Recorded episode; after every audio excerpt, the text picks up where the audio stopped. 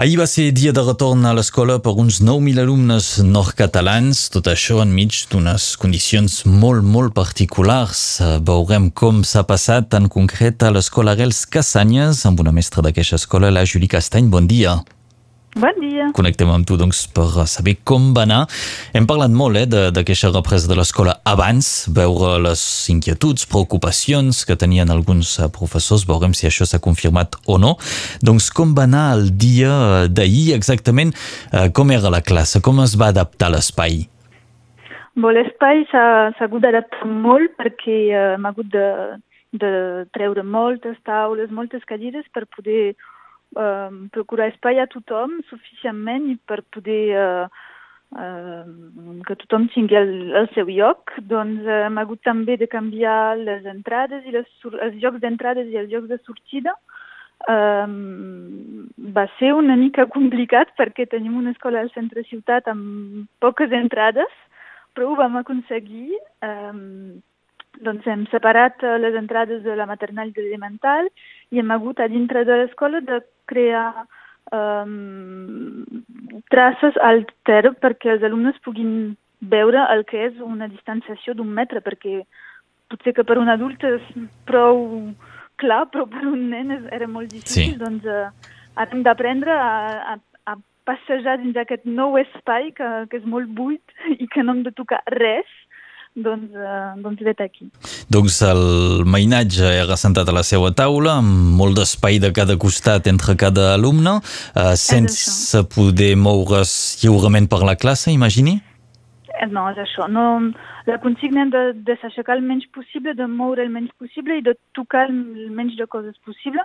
Doncs cada alumne té dues taules amb una cadira, així té espai per, uh, per posar les coses i que no, tot no sigui a tot arreu. Uh, la consigna també és de, al moment del pati d'endreçar tot perquè a cada moment de, de pati um, hi ha una dona de neteja que va desinfectar la classe.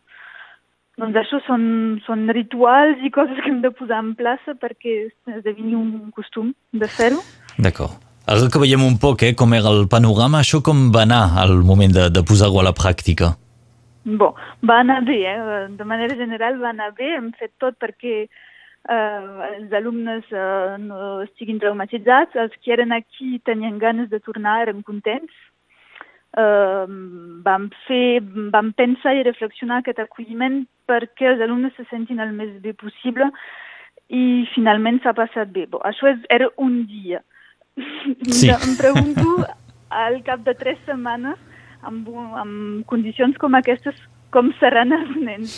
Primer dia segur, eren contents de trobar-se, de tornar a l'escola i el que van dir molt els alumnes de la meva classe era que eren contents de trobar un ritme, el ritme de l'escola i el programa de la mestra. Sí, ah, bo, doncs això seria el, la, la notícia més positiva. Després imagino que també, en algun moment també hauran notat frustració, no?, de no poder moure's lliurement o de no poder anar eh, cap al company? Clar, això era complicat perquè no s'han vist de fa molt de temps, tenien ganes de jugar junts, però no és possible. No es poden tocar, no es poden apropar menys d'un metre, doncs eh, molta frustració. Al pati tampoc, no, pot, no, no podem fer pati com abans on van a jugar a pilota, no poden tenir cap joguina, cap joc, cap material comú. Doncs eh, hem intentat de, de trobar jocs eh, de, del mirall, ple de jocs per jugar a distància, però això els demana concentració tot el dia, del moment on arriben al moment on se'n van, i, com ho deia, potser que per ahir ha anat bé, però em demano tanta concentració quant de temps podrà durar. Uh mhm. -huh. Doncs eh, veiem que el, el mainatge ha de ser sentat tota la jornada, no pot jugar a pilota al pati, vull dir, això és una situació eh, realment molt particular i difícil. L'heu explicat al, al, als pares abans de la rentrada? Heu tingut algun, alguna família que finalment eh, doncs ha, ha, ha decidit de no portar el mainatge si en un primer moment havia decidit de tornar-lo a l'escola? Sí, doncs vam tenir, bo, a més a més vam tenir informacions que van arribar a poc a poc, doncs a mesura que teníem informacions les comunicaven. I clar, quan van dir que les escoles tornaven a obrir, molta gent va ser molt content i volia tornar a posar el nen. Però quan vam aprendre i descobrir aquest protocol d'unes 60 pàgines explicant tot el que calia fer, com ho calia fer, quines serien les condicions, eh, tenim una desena de famílies que van decidir trobar una altra solució per, eh, per fer classe eh, al seu nen o a la seva nena. I finalment, la pregunta també que molta gent se feia és en aquestes condicions què aprendran els mainatges? S'ha sentit també que la pedagogia quedaria en un segon pla. Què poden fer els mainatges? Què poden aprendre aquests dies? Alors, pr primer és que hem tingut la consigna de no començar coses noves, no podem començar aprenentatges nous, perquè tenim una part de la classe que està a l'escola i l'altra part que està a casa. Doncs nosaltres, mestres, continuem a fer els dos, escola a casa i escola a classe.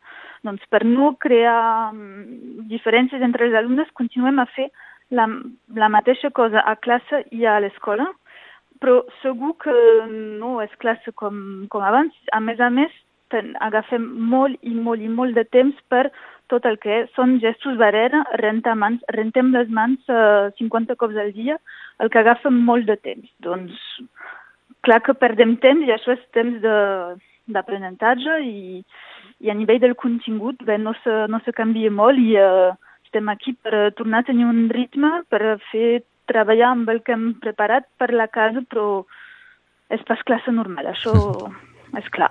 Juli Castany, a la teva classe de l'Escola Gels Casanyes, eh, quants alumnes han tornat i quin era el nombre total d'alumnes?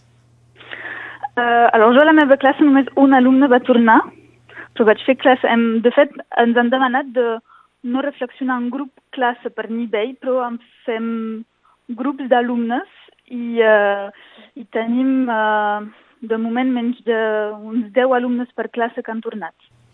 Molt bé, que vindria a ser um, que un terç, potser, de cada classe. Ouais. Això, ouais, un terç. I en aquestes condicions també cal que els mainatges que s'han quedat a classe segueixin eh, doncs, activitat d'escola. Això us més o menys de doble la feina.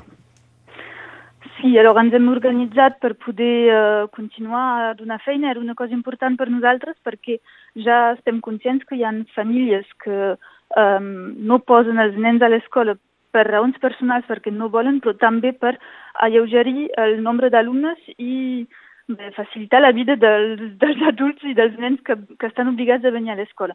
Doncs això era important per nosaltres de continuar a donar la mateixa quantitat i qualitat de treball a casa com a classe.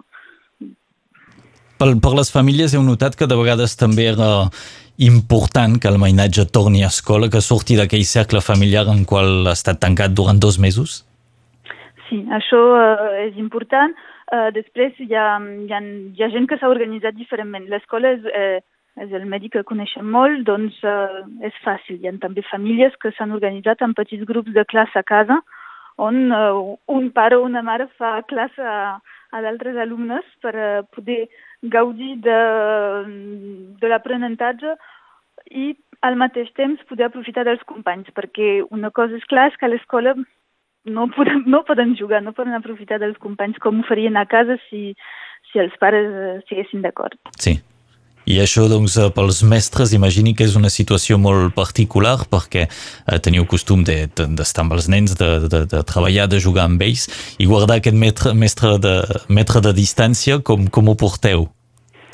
Oh, és molt, molt complicat també pels adults. Eh? A més, a l'Escola Res tenim una manera particular de treballar on eh, fem molts tallers, amb material, no podem més utilitzar perquè tot el material ha de ser desinfectat i que no tenim eh, la possibilitat o el temps i el material per poder desinfectar tot i garantir que l'alumne següent eh, toqui el material eh, ben net.